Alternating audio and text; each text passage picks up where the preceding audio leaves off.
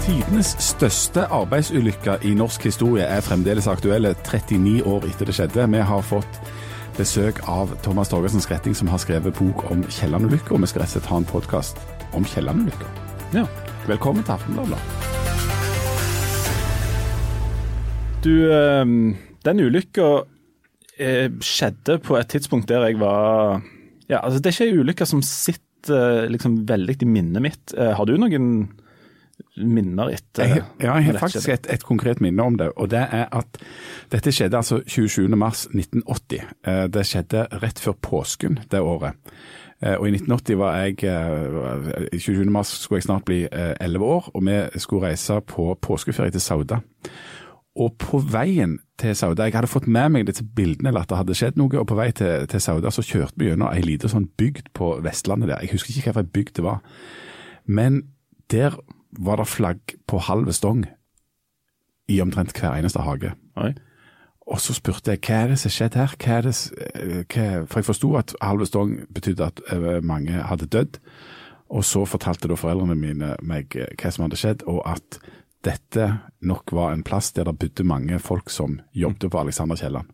Sånn at dette var en, nok en, en ting du konkret kunne se rundt omkring i, i mange samfunn rundt omkring i Norge. Flagg på halve stong. Det glemmer jeg faktisk ikke. Eh, For min del var det jo faktisk sånn at jeg hadde um, At mor mi bare var syv måneder på vei, rett og slett. Så Ja. at jeg var rett og slett Da er du tilgitt at du ikke hadde så mange minner det. Ja, ikke sant. Du, vi skal, uh, Den ulykka dukker jo opp igjen med ujevne mellomrom i bøker og um, sånne ting. Vi skal snakke om det. Men um, du Jan, du har jo erfaring med å gi ut bøker. Og før vi går løs på, på alvor her, så må jeg bare spørre deg om en ting. Jeg har La oss kalle det noen litt uforløste bokideer som jeg stort sett har drømt og aldri gjort skikkelig alvor. Du har jo skrevet noen bøker. Ja, sannsynligvis altfor mange, men, men hit me. Det kan jo aldri bli eh, for mange bøker. Nei. For Du har skrevet både eh, altså, romaner, og, og du har skrevet uh, bok om broren din sitt orkester, og i det hele tatt. Så har jeg eh, jeg har, et par sånne ideer som jeg lurte på om jeg kunne bare pitche på deg, og Ja, ja, ja. si hva du tenker om dette. Hit me. Ok, det, Den første ideen til en bok jeg hadde, var ei krimbok. Ja.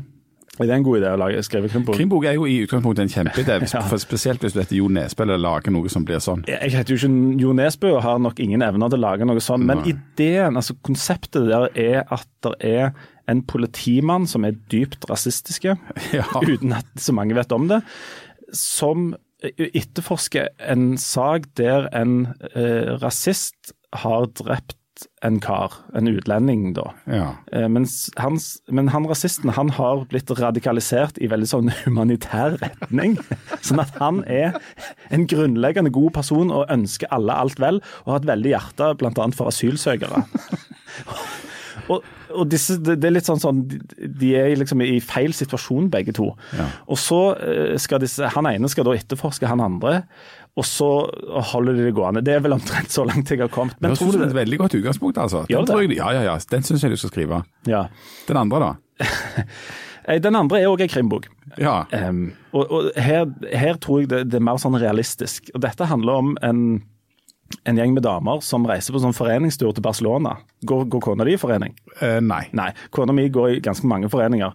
Og De reiser jo på tur til Barcelona, og på den turen i Barcelona så blir da ei av disse damene drept av noen av de andre. Ja. Og så handler liksom boka om at de skal nøste opp i alle disse konfliktene. Og disse damene som har vært i forening med hverandre i 20 år, de hater jo hverandre intenst. Sånn som jeg tror det er i sånne foreninger. At de møtes og drikker litt vin og strikker litt og sånt, men de, egentlig så hater de hverandre intenst pga. at de andre har det bedre, har mer penger, har bedre menner, finere hunder, er bedre å strikke. Det, det er et veldig sånn sentralt element i den boka. For hun er drept med en strikkepinne som er kjørt gjennom hjertet, der hun ligger og det, inne på en sånn spa-område.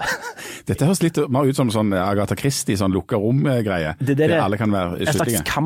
Kammerspill. Ja. Men tror du det er en eh, god idé å skrive den boka? Jeg kan ikke fordra Gata Christie, så den tror jeg jeg skal droppe. Men det foreningskonseptet, jeg er veldig glad i det. At disse, disse damene driver og bitcher på hverandre. og Så skal du nøste opp hvem som har ligget med hvem sin mann, og hvem som eh, egentlig stjal sminke til hvem. Du tror, Ja. Har du ingen tro på det? Skriv, skriv den første av de. Er den bedre? Den er mye bedre. Okay. Det, som er, det som er med å skrive bøker, Det er nemlig det at Det det er ikke forferdelig. det, det er på mange måter helt forferdelig, og jeg unner egentlig ingen å gjøre det. Tingen er at det trenger utrolig lang tid hvis du skal gjøre det skikkelig. Og du er lei egentlig av prosjektet lenge før du er ferdig. Og du er ikke ferdig når du tror du er ferdig heller. Så Derfor er det egentlig et under at noen utsetter seg for å skrive en bok. Og hvis du skal gjøre det, så skal det være et veldig godt prosjekt. Ja, ok. Det, og derfor, min tredje idé, den er mye mer gjennomførbare. For det, det er barnebok, og jeg innbiller meg at det er skrevet på en ettermiddag, Ja. og så får du en tegner til, liksom. Så, Ja. um, at det skal gå mye fortere. Men de, denne boka har jeg bare drømt, og her lurer jeg på eh, og om dette er en god idé. Kan jeg bare ta den òg? Dette handler om um, et lite pinnsvin. Som jeg tror når jeg drømte om det, heter Einar. Eller noe sånt heter. Inspirert av den dokumentarserien som nå går. vet ikke. Eh, Pinnsvin Einar eh, har jo masse pigger på ryggen, og det gjør at alle de andre barnedyra ikke vil være med Einar, for han stikker de hele tida. Så når de skal gjøre sånn kosete ting og sånn, så blir de stukken av av disse her piggene. Og Einar blir veldig lei seg for det. Sånn som du, Barnebøker er jo ofte sånn at det er et problem, og så blir folk lei seg, og så etter hvert så finner de en løsning på det. Um, og Einar blir veldig lei seg for de andre um, ungene vil ikke. Det er en liten rev, og det er en liten, en liten ugle, som òg heter Einar, men la nå gå. For å komme til poenget, da. Etter hvert disse ungene ikke kan være med lille pinnsvinet Einar fordi han stikker sånn, så må det jo skje noe. sant? Og det som skjer, det er at alle de andre barnedyra i skogen går sammen og dreper Einar. Og så er på en måte problemet løst, og så lever de andre veldig lykkelige. Er det et konsept som du tror kunne solgt inn til et forlag? Den syns jeg, du skal skrive. Jeg skal skrive den også. Som en kjempeidé. Da, da er du to, da er du ett voksenbok og ett barnebokprosjekt, så dropper du den foreningsgreiene i okay, for det er den foreningsboka jeg er egentlig ikke det mest høyen på, men, ja. men ok. Men du, du har jo skrevet noen bøker, hvor, eh, du, og du syter jo og sukker litt hver gang du skal skrive en bok. Hvor, hva er det som er så vanskelig med å skrive en bok? Altså, Det er fordi det trenger så enormt lang tid, og det er så mye du skal holde styr på. Ehm, du skal, ja, det er på en måte altså, karakterer og tidslinjer og hendelser og alt det sammen, og det skal, alt dette skal henge i hop. Og det er nå det jo passer veldig fint å introdusere Thomas Torgersen Skretting som en kollega av oss, og som har vært journalist i mange år. Eh, og du har rett og slett skrevet bok om Alexander Kielland-ulykken, og det begynner jo å bli noen år eh, siden den skjedde. Men hvorfor? Du kan bekrefte at dette er mye arbeid. Det kan jeg, Ja. absolutt. Hvorfor har du tatt på deg og gjort dette arbeidet? Eh, ja, det kan du gjerne lure på. Eh, det, er jo, det var jo veldig krevende, sånn som du selv er inne på. Og underveis så, så, så var det jo så var det tidvis nesten sånn eh, som jeg hadde eh, pustebesvær, for det, var voldsomt stort materiale, dette her. Og, og ikke minst veldig, veldig alvorlige hendelser, da. Så du må liksom hele veien eh, veie hva du skriver. Sant? Det er etiske problemstillinger nesten, nesten overalt da, i, i materialet. Men jeg tror, øh, tror rett og slett at jeg endte med å, å, å, tenke at, jeg, eh, at det var en voldsomt stor utfordring, eh, og, og at jeg allerede hadde jobbet med dette stoffet journalistisk såpass lenge at eh, jeg hadde et godt fundament for, for å gjøre det, selv om det var veldig krevende. Så, så, så endte jeg med på den sida at jeg, eh, jeg klarte ikke å motstå den, den utfordringen og, og det å prøve å få, få det til å henge sammen, som du sier. Og bare for, det er, ikke, det er ikke sikkert alle er helt oppdatert på hva det var som skjedde 27.3.1980. Kan du altså fortelle oss, hva var det som skjedde den kvelden? Eh, Det som skjedde den kvelden der, det var at eh, Ja, nå er jo denne boka over 300 sider, sånn at det er, det er jo mange ulike versjoner. Men for det, ta det som alle er enige om, eh, så mista den plattformen Alexandra Kielland en fot. Og den ble fylt veldig fort med vann. Eh, Sjøvann. Og kantra, selv om han ikke egentlig skulle ha kunnet kantre eh, etter designet eh, i løpet av veldig få minutter. Så den skulle egentlig kunne flyte fint videre på fire bein. Det gjorde han ikke, og 123 mennesker mista livet der, der ute. og dette skjedde i Dette skjedde i 1980, 27. mars, som Jan sa. Og den bygda som han kjørte forbi med familien med, tipper jeg må ha vært Førresfjorden, der det var åtte unge menn, da, fedre, som mista livet. Lita bygd, så det var en voldsom eh, tragedie. Og Dette var, dette er, var en enorm ulykke som, som der i, i etterkant er skrevet eh, veldig mye om. Um, og du, du, sa jo at det er en del ting folk er enige om her, og så er det en del ting som folk er uenige om, eller som er, på en måte ikke er helt fastlagt. Mm. Hva, er det, hva er det vi ikke er helt sikre på? Det er to sånne hovedlinjer i denne boka der, og, eh, som, går på den form for paradoks eller, eller, en uenig eller sånn konfliktlinje. Og Det ene er hendelsesforløpet. Eh, der er det eh, en versjon i Den offisielle versjonen i granskingskommisjonen sier at ulykker skjedde ti på halv ti på halv sju.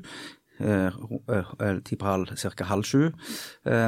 Og at denne her forflytningen fra Edda naboplattformen, da, kan vi si det at kjelleren var bygd som en boreplattform, men ble bygd om til, til boligplattform rett etterpå, eh, fordi at det var så dårlig, dårlig marked eh, for boreplattform akkurat da.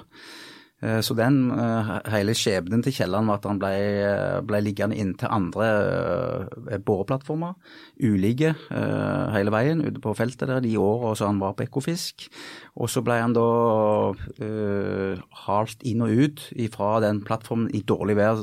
Så var opp til sånn, det var sånn kriterium da for hva som var dårlig vær, og da skulle den trekkes ut.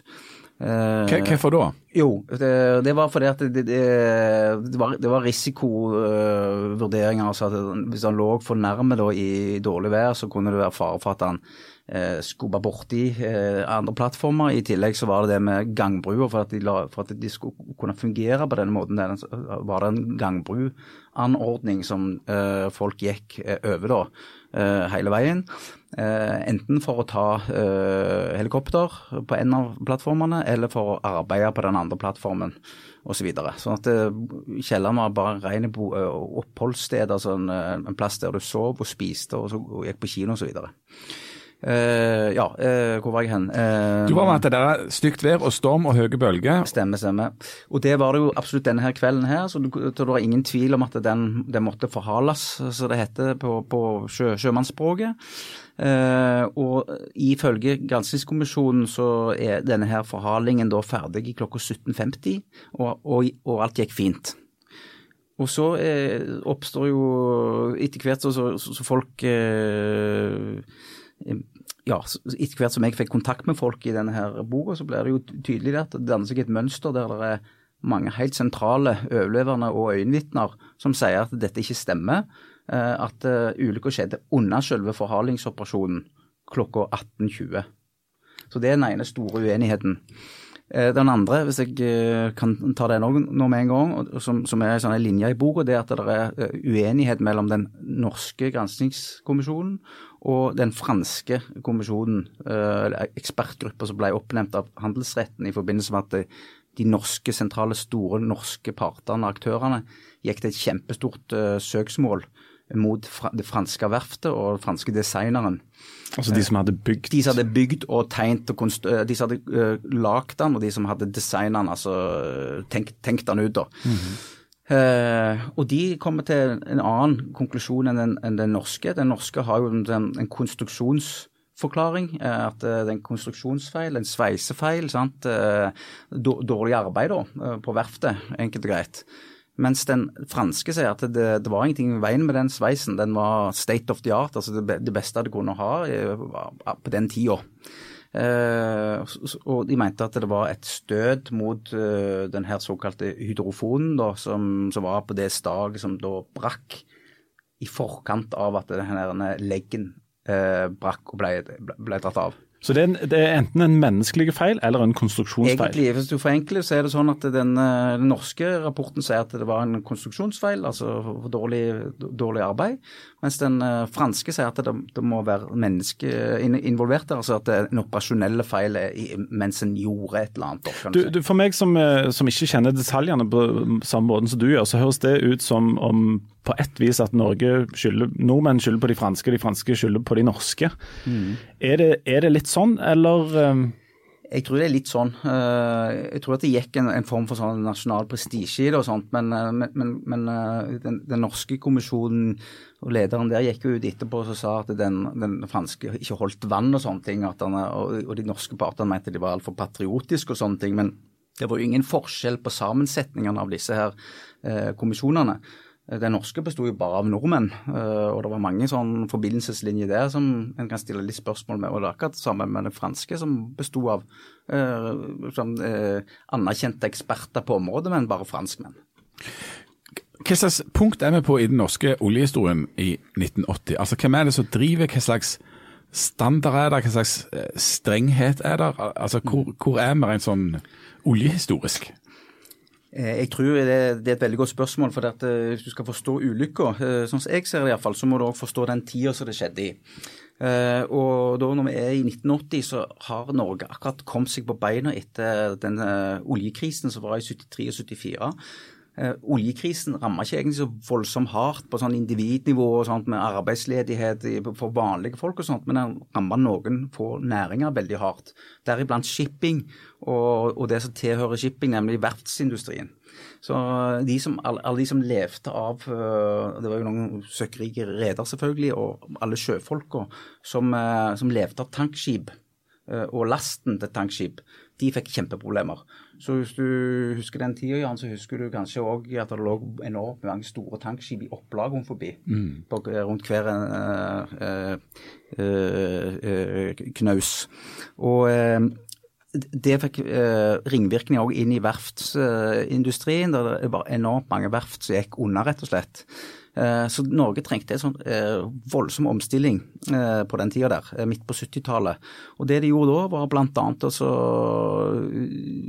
lage til denne her ordningen med kommandittselskaper der de klarte å flytte storkapital fra shipping, altså redere som tidligere bare hadde sittet på hver sin uh, haug med masse, masse penger. De, de samla nå kapitalen, og, og, kunne, og, så fikk de skjøvet de over til offshoreindustri og offshorevirksomhet. Uh, og, og, det fikk den ringvirkningen at ja, da, da, ble det, sant, da ble jo det til rigger og supplybåter og sånt, og, og, det ble bygd i de i samme verfter, eller noen av de samme verfter som sleit veldig mye. Så Helt på slutten av 70-tallet så begynte dette virkelig å gå og virke. Det var enorm aktivitet, så mye aktivitet at det var mange som mener at kontrollsystemet og liksom myndighetsoppgavene og sånt ikke hang med i svingene. Sånn at det er eksempler på at, det, at det, kontrollsystemet er liksom oppsplitta og at en har ikke noen sånn samla retning på det, sånn at det oppstår misforståelser og hull i systemet. Og, det var Kielland bl.a. eksempel på. Bare for å ta det helt kjapt, så, så hadde f.eks. Sjøfartsdirektoratet ansvar for riggen. Mens Oljedirektoratet hadde ansvar for de boligcontainerne som sto oppå. Sånn som jo er helt uaktuelt i dag. Da. Det, Men ble det regnet, som på en måte trygt å jobbe offshore? Eh, på den tida her. Men, men, sånn som vi kjenner oljebransjen i dag, så er det jo et enormt sånn HMS regime det, det, som blir dratt nesten ut i det komiske. Vi hører jo om, om disse historiene om folk på, som jobber på Forus som ikke får lov, som må rygge bilen inn om morgenen og holde seg i gelenderet når de går fra første andre etasje og sånt. Altså, mm. um, hvordan var oljebransjen på den tida her? Eh, jeg tror at det var litt eh, avhengig av hva slags type jobb du hadde. Men jeg tror langt på vei at folk eh, følte seg trygge. Men det var ikke, det var ikke tvil om at de, de opererte i ytterkanten av det som var teknisk mulig. Sånn pusha grensene litt? Pusha grensene, ja. Det tror jeg nok vi kan si. Hilde Øverbekk, du har jobbet masse med oljestoff, og du har vel ja, du har vært rundt i verden til meg i slags oljesamlinger, Er nå kommentator eh, i Aftenbladet. Hvor... Og jeg har sikkerhetskurs. Og du har sikkerhetskurs, ja. Uh, men ja, og jeg, jeg, jeg, tenker på den tida, altså fra de først fant olje i 1969, og så fram til den Kielland-ulykka, så var det veldig mange amerikanere som kom fra Texas de var vant til det, det, var liksom ikke de mest fornuftige folkene som kom. Det var de som tok stor risiko og store sjanser, og det, det var ikke det fokus på sikkerhet i det hele tatt. Eh, du hørte jo om eh, f.eks. de som jobbet på verftene med å bygge disse svære plattformene på Statfjord og alt sånn. Det var masse ulykker der òg. Så det var, det var forbundet med en mye, mye, mye større risiko. Og så kom Kielland-ulykka, og så endra det på sikkerhetsregimet, og det var etter det at det ble innført veldig strenge HMS-regler på norsk sokkel. Mm. De gikk gjennom denne ulykka, de gikk gjennom alt av sikkerhet. Og nå, nå er det jo sånn at uh, du kan nesten ikke være på en tryggere arbeidsplass enn du er når du er offshore. For det er så mye sikkerhetsrutiner som gås gjennom hele veien. Eh, jeg, jeg, er helt enig i det som Hilde sier, men jeg tenker at eh, iallfall med utgangspunkt i, i, på Kielland, så tror jeg at det var eh, at det dekning for å si at eh, folk følte seg ganske trygge på den plattformen. Den var, den var, den var rent som veldig stabil og sånt. så Jeg har ikke hørt noen som var livredde for å være der, men det er ingen tvil om at de, de strakk strikken veldig langt når det gjaldt hvor lenge de ble liggende før de forhalte og sånne ting. Og da kom det i noen situasjoner der der det var nesten det var så mye vind og bølger at ting ble sudd ut av lommene til en, var det en som beskrev. Så, så, men, jeg, men jeg, tror, jeg, tror, at folk følte seg trygge. Ja, for fordi var... at det hadde ikke vært en sånn en svær ulykke tidligere. Nei, og, det, og, fordi at det var en ny næring, det var en ny industri, så tror jeg ikke at folk sjøl følte seg trygge. Men du ser på bilder av de første oljearbeiderne som sitter i helikopter med dress og slips mm. og sitter og røyker. Mm. Altså, det er jo noe helt annet nå. For hadde det helikopteret falt ned, så hadde jo ikke de hatt noen sjanse å overleve. Og det, det, er de endringene du har fått etter mm. den ulykka. Jeg tror at folk liksom fikk en litt sånn oppvekker. Absolutt. Dette kan faktisk skje. Absolutt. Det er faktisk en mye større risiko enn det vi hadde trodd. Ja, og det var jo en del av, De var jo en del av en, en kultur, sant? og når du er en del av en kultur, så klarer du ikke alltid å se hva, hva som er rett og galt det du gjør. Du, du er bare med på det som, som foregår, på sett og vis. og for å ta et eksempel, eh, når vi bygde Kondip og sånt i Gansfjorden, så, så pleide de å si at det regnet ett liv per Kondip altså per, mm. per eh, plattform, sant, betongplattform. Så folk som datt, datt, ned der og fikk, ble smidd av spett og dykkere som tok feil av uh, forskjellige uh, Ja, uh, den linja, lufta og, og, og annet utstyr og sånt. Og, dette var det sånn, Du kunne se litt i Lykkeland òg, altså at det er amerikanere. Det er en, en, en eh, Texas-aktig eh, kultur. Eh, en måte å regne med på en måte nærmest litt svinn, og liksom bare kjøre på. Jeg har òg hørt en eh, Alexander Kielland har jo blitt et tema for både flere bøker Eh, for podkaster. Jeg har hørt eh, hele historien på NRK, der de jo forteller liksom om, om, om amerikanerne som var innblandet i dette, og som ville ha i gang produksjonen på, på den Edda-plattformen som Kielland lå på sida av veldig raskt, og som da mm. før, mange mener at førte til at mange ikke ble funnet, rett fordi at de mm. begynte å slippe ut slam. Eh, og eh, den norske arbeidskulturen, som nok heller ikke var helt like på 1980-tallet, men sånn som i dag, at du du skulle ikke opponere for mye før du risikerte å miste jobben på flekken. altså. Mm. Så, så, så en, en, annen arbeidskultur, en, en mye røffere tone og en, en liksom veldig sånn ja, barske greie da, som, eh, som, kanskje er ganske fremmed i dag, da. Det ser du, det, det så du faktisk på den Macondo-ulykken i, i Mexicogolfen. Uh, for der er det jo Når var det?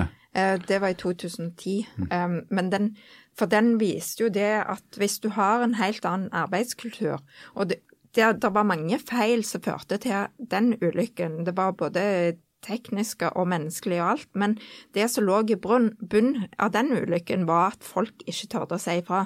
Eh, de skulle ha produksjon, de skulle tjene penger på den plattformen uansett. Og så ble det gjort masse feil på veien, men folk så det, folk rapporterte det inn. Men det var ingen, ingen der som tørde å si skikkelig fra. Dette går ikke, dette går galt. Thomas, du har jo um, hatt mye kontakt med øyenvitner, um, overlevende og sånt etter denne ulykka. Er det sånn at um, de som har hatt dette veldig tett på, har uh, egne teorier om hva som skjedde? Um, på en måte Sitter folk på veldig ulike typer sannhet om den ulykka her? Eh, jeg, tror, jeg tror at eh, kanskje i denne type ulykker, det er jo en katastrofe dette, det, er i denne typen katastrofes natur at det er mange teorier. Og at en, at en ofte at, opplever at det oppstår litt sånn konspirasjonsteorier og, og den type ting òg. Uh, men jeg opplever ikke at uh, jeg opplever ikke at de kildene jeg har hatt uh, mest med å gjøre, iallfall er veldig uenige i det som skjedde. Altså, så, det, er jo klart at nå har jeg valgt meg en, en vinkel å stå og se på dette fra, og har jo snakket med, med, med mange som er med og belyser altså fra den sida med at ja, det, det, er, en uenighet med, det, med hendelsesforløp og sånt. Men i det store og det hele så, så, tror jeg jeg kan si at uh, de overlevende som jeg har snakket med, uh, de, er, de, de, har et sånn uh, form for mistro til granskingsrapporten. At de, de, føler ikke at, at, det, at, alt har kommet fram. og at de, Jeg tror at det, så lenge det er et gap der mellom de forklaringene til, til overlevende og, og, og øyenvitner fra Edda f.eks. og granskingskommisjonen, så vil, så vil ikke den rapporten ha full legitimitet. Og, og det er en av grunnene til at det fremdeles ikke er ro rundt denne ulykka, tror jeg. Har alle de som var øyenvitner og hadde dette tett på, har de eh, fått forklart seg og på en måte blitt avhørt, holdt jeg på å si, eh, tatt med disse, eller er det folk som fremdeles eh, sitter der ute og mener de vet ting om dette som ikke finnes i arkivene f.eks.? Ja, nei, det er absolutt det. Det er folk som jeg mener er helt sentrale, som ikke har blitt avhørt i det hele tatt. Og, det er òg folk som opplever at de ikke har blitt gjengitt på samme måten som de husker at de forklarte seg. Eh, og at det på en måte er blitt, hva skal jeg si en form for formilda utgave av, av, det som skjedde, som er, som er, blitt beskrevet i ettertid. Så det er absolutt en, ja, en, en avstand der. For absolutt alle involverte har jo etterpå sagt at de vil prøve å finne ut av dette, de vil komme til bunns i, mm. i hva som skjedde. Mm. Hvordan kan det da ha seg at det der er tvil og usikkerhet, og at en følelse av at en ikke har kommet til bunns i det? Altså, Hvem var det som skulle ha interesse i det? Eh, det som er jo en sånn klassisk eh, mantra i undersøkende journalist, journalistikk, er jo 'follow the money'. Og her er det jo enormt store summer uh, ute og går. Så hvis det skulle være noen som hadde interesse av å få fram uh, en, en, en, del, av, del av denne sannheten, og gjerne ikke se så nøye på andre deler av ansvaret måtte det jo være Philips f.eks. og de store forsikringsselskapene som gjerne var fornøyde med, med den versjonen. Egentlig alle de, de på norsk side av denne saken. De var jo såre fornøyd med den norske granskingsrapporten som pekte ut av landet. Eh, og på, på en, eh, en, konstruksjonsfeil som de ikke selv hadde, var herre over eller hadde, hadde noen innvirkning på. Da. Mens det franske verftet jo ville være eh, ikke interessert i at de skulle få skylda, mm. eh, men at den skulle legges her. Og Det var jo et søksmål mot det franske verftet på 700 millioner dollar eller kroner. Krone. Ja. Mm. Og resultatet var et forlik etter mange, mange år der det ble utbetalt sju. Det var noe sånn, ja. 1 mm. ja. Så det, det, er store summer, og det er sterke interesser mot hverandre, mm. samtidig som versjonen ut av det at dette skal vi komme til bunns i. Mm. Hilde, du nevnte at uh, Kielland-ulykka ble et litt sånn nytt startpunkt for, um, for, for, sikkerhet, måten en jobber med sikkerhet på i Nordsjøen. Um, er det, er det, kan vi snakke om noe sånn før og etter Kielland-ulykka uh, for alle som driver offshore? Ja, det, det var vendepunktet. Uh, og det har det blitt skrevet om mange ganger òg. Uh, at det var da folk Myndighetene altså eh, grunn til å lage nye sikkerhetsregler. Og bransjen sjøl òg så jo det at det, her kan det skje store ting. Det, så det var et vendepunkt for sikkerhetsarbeidet på norsk sokkel. Men bare på norsk sokkel, eller er oljeindustri overalt i hele verden eh, på et annet HMS-nivå enn de var eh, i 1980? Altså, er, det, er det læring utover den norske kontinentalsokkelen av det som skjedde ja, da? Ja, og det, det, er jo flere ulykker, sånn som så Piper Alpha i, på britisk sokkel er jo òg et eksempel på liksom, eh, hvordan du får en oppvekker på hvor store ting som kan skje. Hvis det går noe galt der ute, så er det jo snakk om ikke bare liksom én mann eller to. Eh, her var det jo 123. Eh, det, det, er jo massivt hvis det skjer en sånn svær ulykke. Og så når du har vært offshore altså Jeg, jeg skrev en artikkel om HMS-arbeidet på norsk sokkel. Uh, og fulgte, var ute på plattform, fulgte en hel dag med, med, arbeid, og bare fulgte med folk, arbeidsgrupper og sånn. Det der er Alt er sikkerhet. Sikkerhet kommer før alle arbeidsoppgaver. Hvis det tar lengre tid å sikre noe, ja vel, så får vi utsette den jobben en dag. Eh, og, og, de har lange møter. De har møter hele dagen på hvordan de kan ivareta sikkerheten.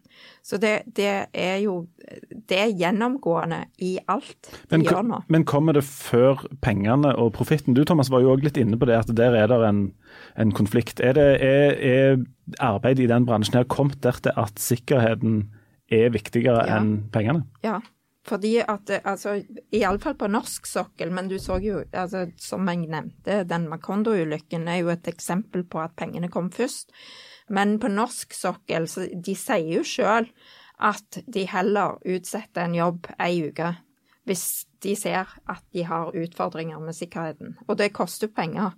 Eh, så ja, det har kommet så langt på norsk sokkel. Eh, og, og det, er egentlig veldig sånn Det kommer tydelig fram i, i, i denne boka som jeg har arbeidet med, at eh, det var motsatt eh, før ulykka. Eh, det, det, var helt åpenbart at det var pengemotiv eh, og profitt som kom først, eh, og det kom langt før sikkerhet. Helt gjennomgående. Og pengemotivet er grunnen det som går mest igjen i, liksom på alle bauger og kanter i, i, i, dette her materialet som jeg har, har vært igjennom. da. Og, og, og, i enden av det liksom kulminerer jo med at Philip starter opp, så, så, som var inne på her, boringer igjen mens dykkere leter etter omkomne. Eh, og de skriver et skarpt brev om uh, at de ikke så noen ting, og de, det var kjemikalier, boreslam osv., og, og at de kunne ha funnet flere hvis, dette, hvis de ikke hadde gjort det. I tillegg så, så, så, er det jo dette med uh, den amerikanske rettssaken som, som de åpenbart er livredde for, og alt det som ble gjort i, i kjølvannet og, og, omkring det da, for, for, å hindre det, som jeg syns er veldig grelt. Og, og, akkurat det med, med pengene som, som står sentra, så, så, sentralt i saken, det, det syns jeg egentlig er ganske uverdig i, i denne her saken, når du vet hvordan dette gikk. Har du møtt på noen som ikke har vært interessert i å snakke, og som ikke vil at du skal skrive denne boka? veldig få av de som opplevde det sjøl, som ikke har villet vært med. Uh, men det, er, det var veldig vanskelig å få folk i Philips i tale, og det var veldig vanskelig å få folk i Veritas i tale. For å ta to helt åpenbare. Og Veritas eh, de, de, de ville stille med en mann, og når jeg eh, ja, henvendte meg liksom offisielt til de da, og formelt til de, og så sa at jeg arbeider med dette og vil gjerne ha noen som har god kjennskap til det, de kom opp med en mann, eh, en person, og jeg ringte han og skulle avtale, så han hadde fått kontrabeskjed at han ikke fikk møte meg allikevel. Um, litt sånn mot slutten, er det utenkelig at vi kan oppleve ei ulykke eller en katastrofe av dette omfanget i denne bransjen igjen? Nei, det er ikke utenkelig. Det har vært eh, flere nestenulykker. Og, og vi så eh, høsten 2016 så var det faktisk ganske mange som var på nærnippet. Og det var flaks noen ganger at det ikke har skjedd. Thomas, eh, før vi gir oss nå. Er, har du nå skrevet den siste boka om eh, Alexander Kielland, både, både, for din egen del og for, sånn for totalen? Er det mer å skrive om, eh, om denne her katastrofen nå? Eh, jeg, jeg, tenkte iallfall når jeg var ferdig at jeg hadde, Nå er det ikke mer. jeg hadde kommet igjennom gjennom de tingene jeg hadde lyst til å undersøke, snakke med de, de som jeg eh, hadde lyst til å snakke med. Så, så, så, så, det var jo en form for tilfredsstillelse. Men det er klart at det, dette her er så omfattende. Det bare, for, bare for å illustrere så er det 20 000 sider med dokumenter eller dokumentasjon som er i bare granskingskommisjonens arkiv. Og arkivene til Philips og, og Veritas og Sjøfartsdirektoratet har vært ganske lukka fram til nå, så der kan det jo ligge mer stoff, selvfølgelig. Det har ikke jeg hatt eh, full tilgang til. Så kan jo ikke utelukke at eh, det kommer mer, men det kommer ikke mer fra meg iallfall. Du, du, du føler deg ferdig? Jeg er ferdig. Men siste ord er sannsynligvis ikke sagt om Alexander Kielland-ulykken. Men det er um, de som um, Folk får lese boka. Er, Thomas har jobbet med dette her eh, lenge og grundig, um, så det får dere gjøre. Jeg tror det er bedre at han skriver bøker enn at f.eks. jeg går løs på mine romaner Hva tror du om det, Jan? Det tror, jeg, er- det tror jeg er et eh, veldig vakkert og kort øyeblikk av sjølinnsikt her, som vi skal sette pris på. Hvis- Et annet, et annet, en annen ting når det gjelder dette med sjølinnsikt, er jo at hvis vi skulle jobbet som markedsfører, så tror jeg vi hadde, det hadde gått så uendelig dårlig. Katastrofe. Vi glemmer jo alltid å uh, fortelle om at vi skal altså spille inn Aftenbladet live. Eh, det var veldig kjekt sist. Det det. Nå skal vi ha en ny runde 29.10 på Stavangeren. Flytta ifra 30. fordi at da er det en annen fotballkamp. Som, så da kunne ikke du komme. Nei. Jeg kunne kommet. Nei, ja, men det holder jo ikke. Eh, 29. oktober altså i Stavanger, og der blir det òg veldig korte øyeblikk av selvinnsikt. Vi skal love å holde det til et minimum. Og kanskje, eh, hvis publikum vil det, at jeg leser innledningen på ei av bøkene mine, f.eks. den med pinnsvinet Einar. Vi får se. Det er bare å begynne å grue seg. Ok. Takk til, til Thomas og Hilde, og eh, takk til deg, Jan, og takk til meg sjøl. Og så eh, snakkes vi om ei uke. Ha det godt. Ha det godt.